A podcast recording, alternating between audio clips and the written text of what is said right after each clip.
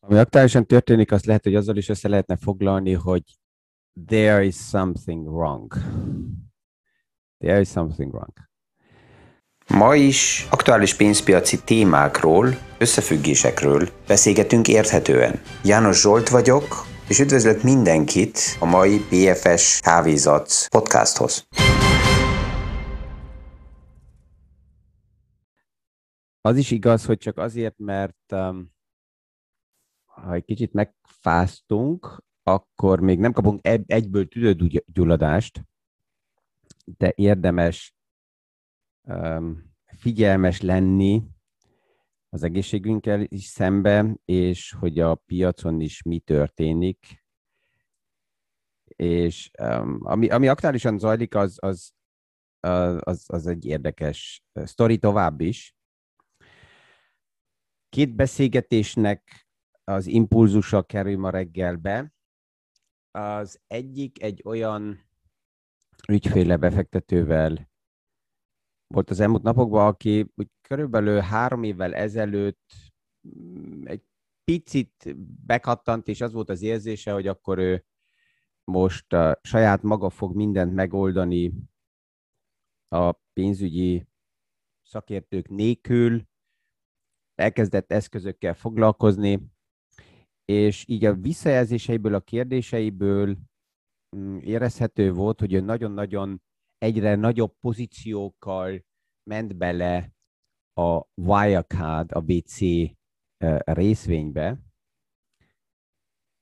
És miután ezt tudjuk, hogy a tavaly a nagy VC story elszállt, füsté vált, és nagyon sokan vakaróznak, kriminális esemény lett belőle, 150 embert a német felügyelet most kicserél, már csak azért is, mert a ja, benfentes információkkal. Még a felügyelet is benne volt a témának részeibe. Reddit boldog akkor még nem voltak, de minden esetre ő jel, így, beszélgetésekben újra és újra jelzett, hogy mit csinál, és neki jeleztem, hogy oké, okay, um, mosolygok, mindig jeleztem neki, hogy nem, nem kell várja, hogy én, én a vállára várjak, mert nem értek egyet azzal, amit csinál, de nem baj, mivel konkrét megbízást nem ad nekem, um, mivel látom, hogy ő jól érzi magát, és hát mindegy, hogy ki mit mond, ő úgyis megy tovább, ezért, ezért ment. És most, miután hát az árfolyam a csúcsértékekből 200 euróból le a pincébe a nulla irányába zuhant, akkor felteszi a kérdést, hogy de ezt miért nem, nem látták szakemberek? És persze, hogy mi visszapillantott tükörből mondani neki, hogy hát voltak olyanok, akik ellen is tudtak állni, mert nagy volt a nyomás. Sőt, jöttek a fenyegetések. Hogy azt mondták, hogy nem stimmelnek a számok. És mindegy, hogy mit csinál az árfolyam, nem stimmelnek a számok. És ezért volt olyan alapkezelő, olyan vagyonkezelő, aki nem szállt be, vagy aki még esetleg benne volt, eladta. Az első nap, amikor azt mondta, hogy nem stimmelnek a számok. Nekem. Kész. Hogy a piac mit csinál, az nem érdekel. És ez nagyon nehéz volt ellenállni, de feljön mindig az a kérdés, hogy de hát ezt nem lehetett látni. Vannak a piacban olyan helyzetek, jelenségek, szituációk, amikor józan észsel azt nem lehet elmagyarázni, ami történik. Kell egy, egy ilyen alap drogszint. Ja? Jó sok uh, whisky, vodka, uh, vagy bármi erős anyag, ami ebbe segít.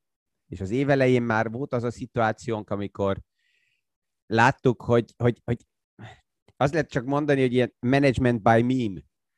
Tehát minden fundamentális háttér nélkül um, csak hajtva vannak árfolyamok össze-vissza,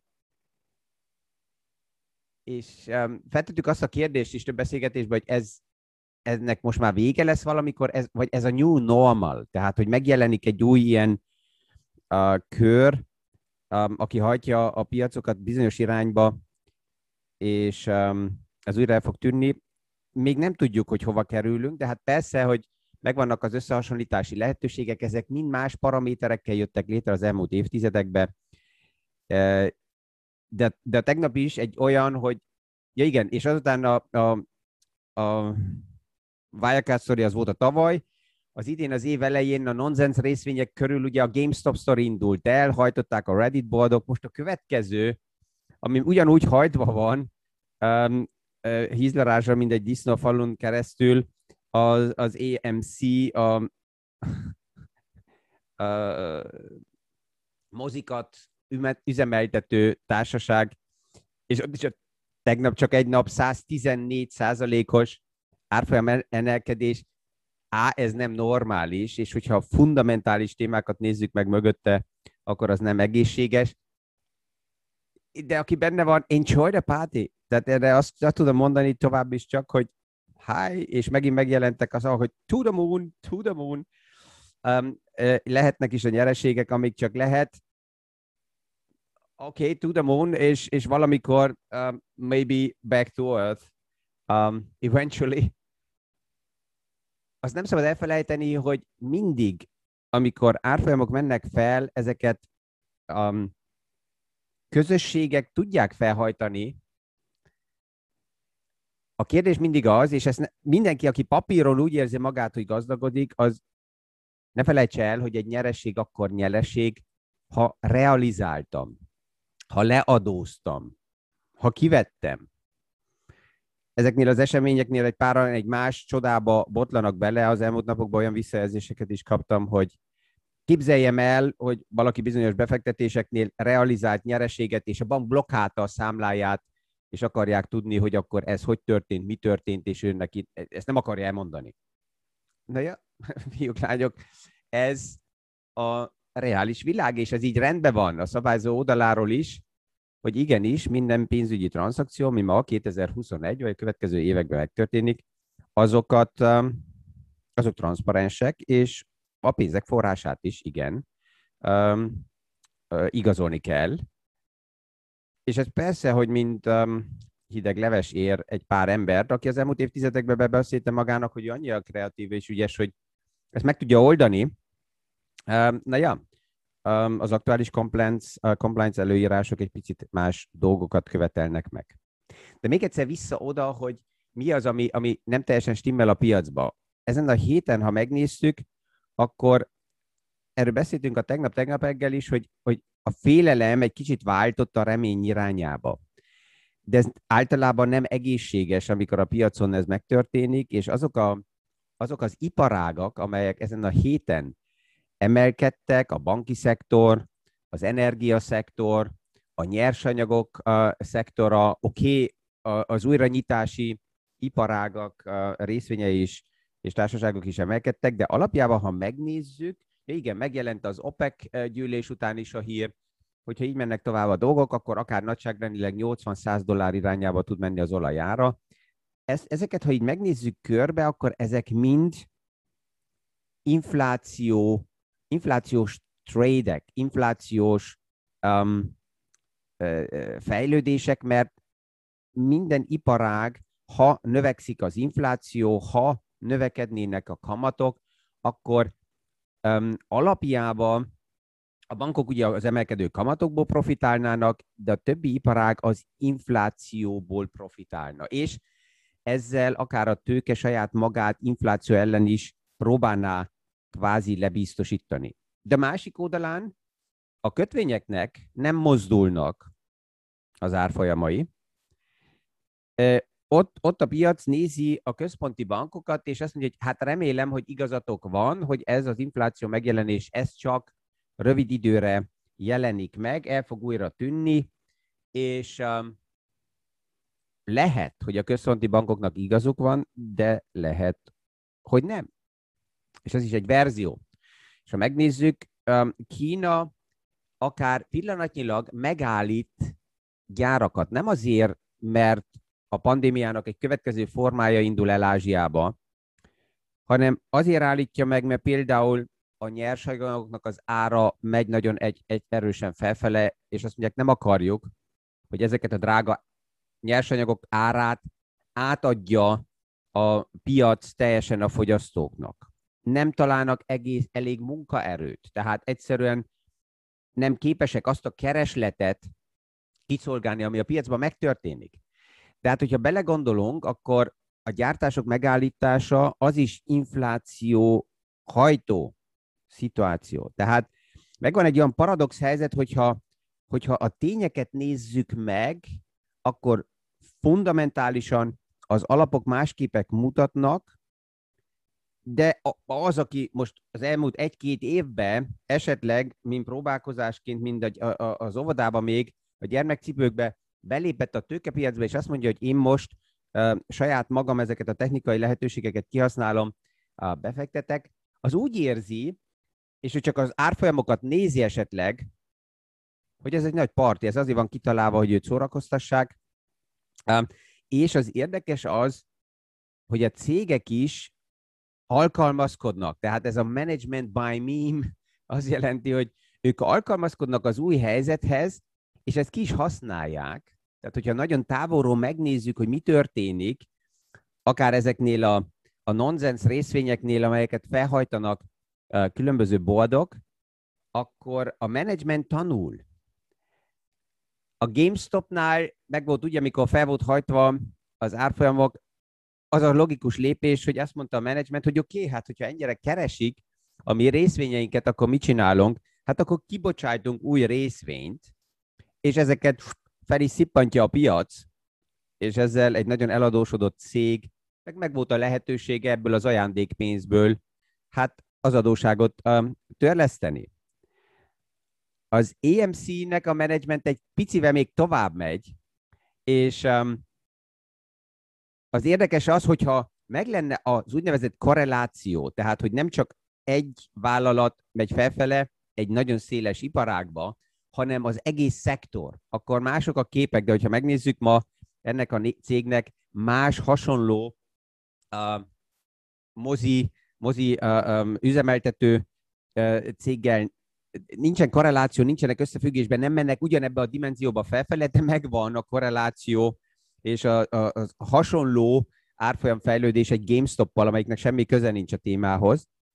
És uh, a top management kilépett a színpadra az elmúlt napokba, és azt mondta, hogy oké, okay, akkor mi is, hogyha ez a hangulat, ki fogunk bocsájtani új részvényeket. És hogy ezek a részvényeket mennyire korrekten bocsátjuk ki, ezzel a CEO azt mondta, hogy na ja, mivel naponta körülbelül 500 millió um, részvény van kereskedésbe, forgalomba, ezért véleményünk szerint, mi nagyon felelősek vagyunk, a 8,5 millió um, részvény kibocsátása az, az egy nagyon korrekt lépés, egy nagyon korrekt szám, tehát mi nem hajtunk itt semmit, senkit spekulációba, és ezt kibocsátották.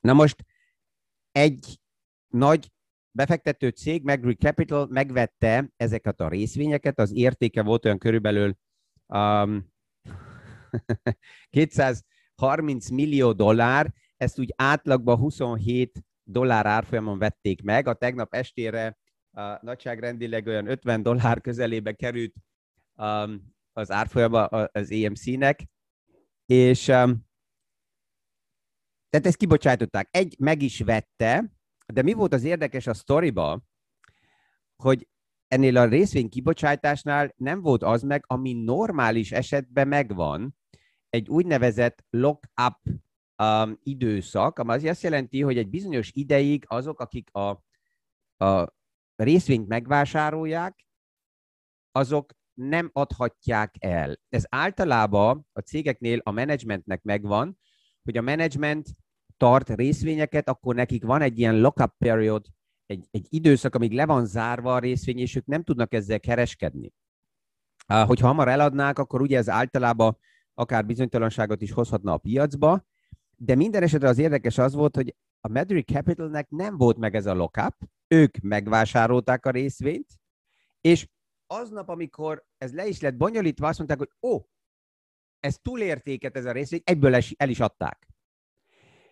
Tehát egy nagyon rövid időn belül meg volt egy, egy nagyon erős spekulációs játék, és itt miért érek oda-vissza, hogy a menedzsment játszik a privát befektetőket odaigazítja magának, ahova akarja. Az EMC próbálta felmérni, és a bordokon keresztül megállapították, hogy 80%-ba a részvények azok nem intézményi kezekbe vannak, hanem privát kezekbe.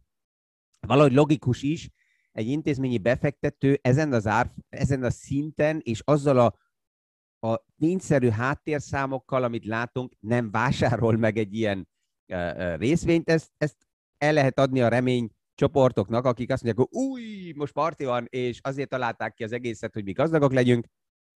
Tehát 80%-ba a privát kezekbe van, és mit csinál az EMC menedzsmentje? Ő, hozzá kell mondani, a menedzsment direkt nem adhatja el a részvényeit, tehát ő egybe kell érdekelt legyen, ha már valamilyen okokból az árfolyam felment ilyen szintekre, akkor ezt valahogy tartsuk fent, maradjunk beszélgetésbe, maradjunk közösségbe, és hát ugye a bordoknak megvan az az előnyük, virálisan mennek a hírek, és ezzel fent tudják tartani egy jó darabig még a, az árfolyamokat esetleg, és erre a menedzsment nem azt mondja, hogy oké, okay, hogyha moziba jöztök, akkor szabad sör mindenkinek, hanem szabad kakas mindenkinek. És ki ment azzal a, azzal a hírrel, hogy világszerte, aki regisztrál, és ezt a részvényt tartja, és olyan moziba megy, um, ahol az EMC-nek érdekeltsége van, akkor ő kap szabad kakast. Juppidú!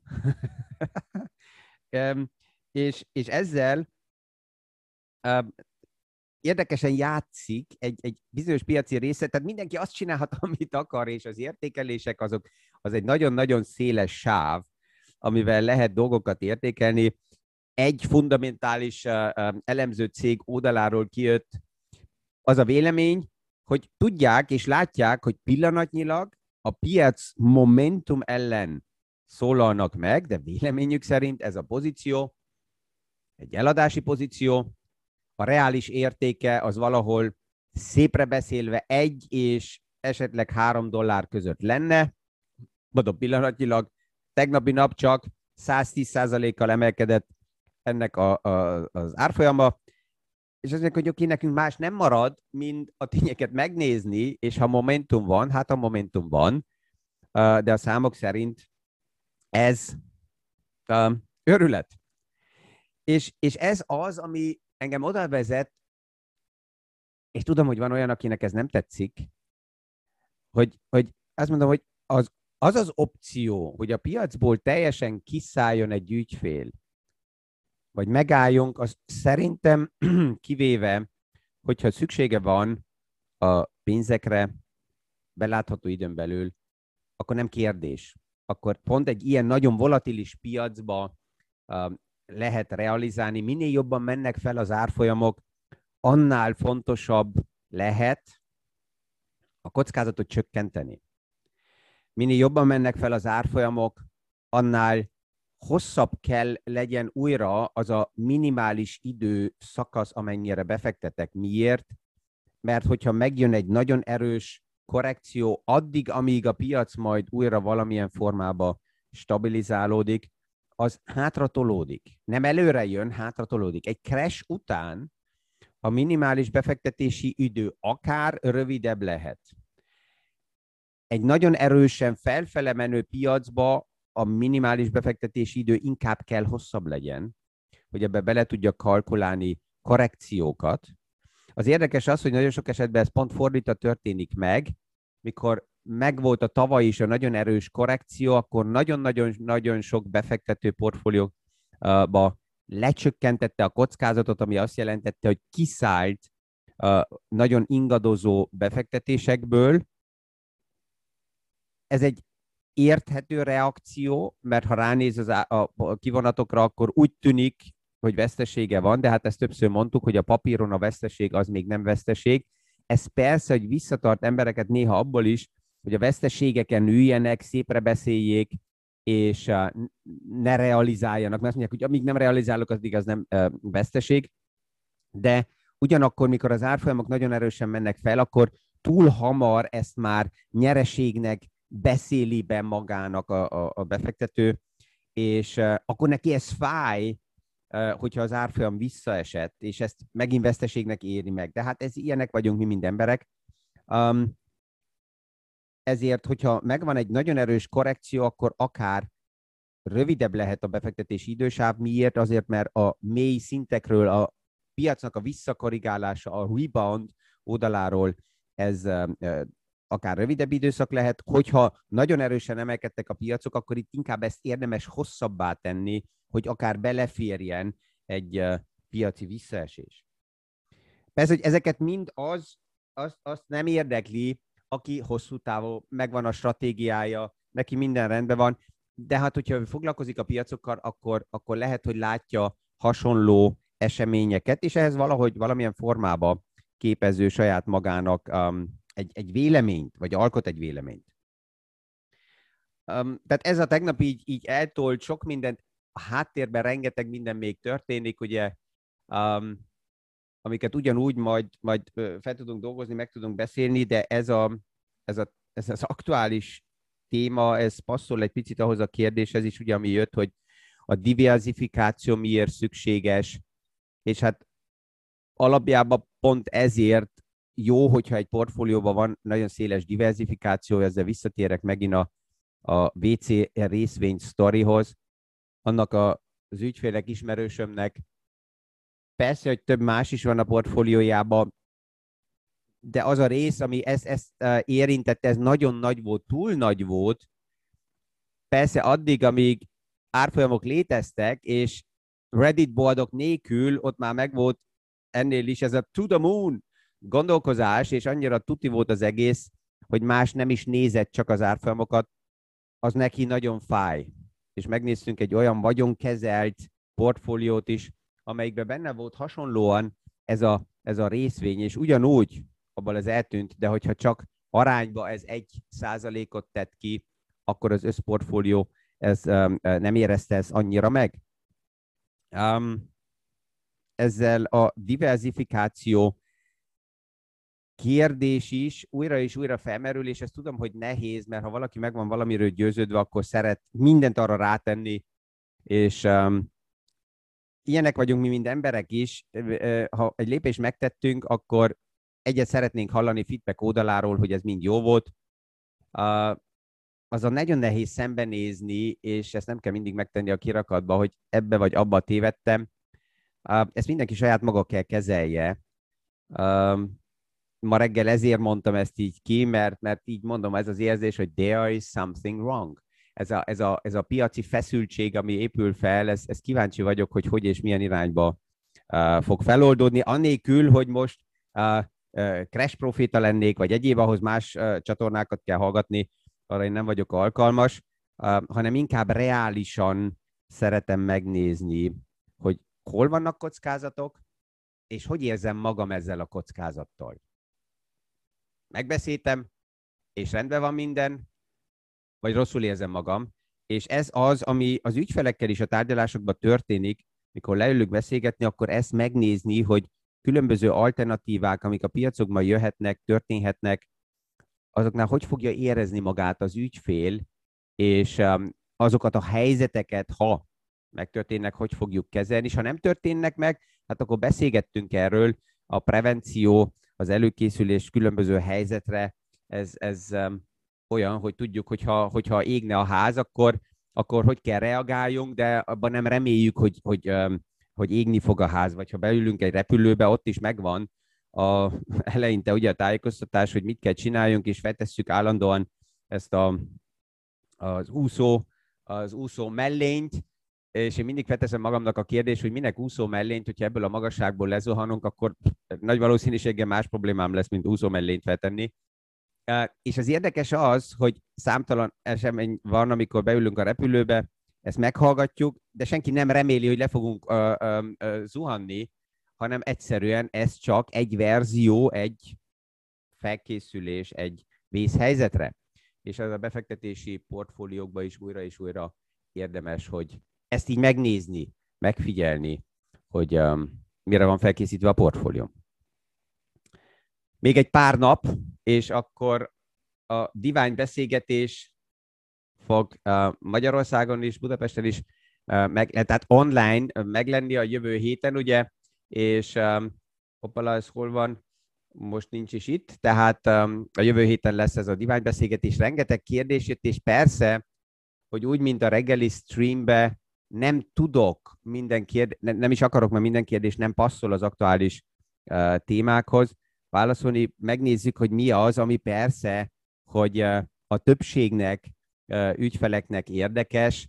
Uh, van olyan, akinek egyedileg egy kérdése neki nagyon fontos, de hát ha az ott éppen nem passzol, akkor remélem, hogy az érthető, hogy mindent nem tudunk beépíteni.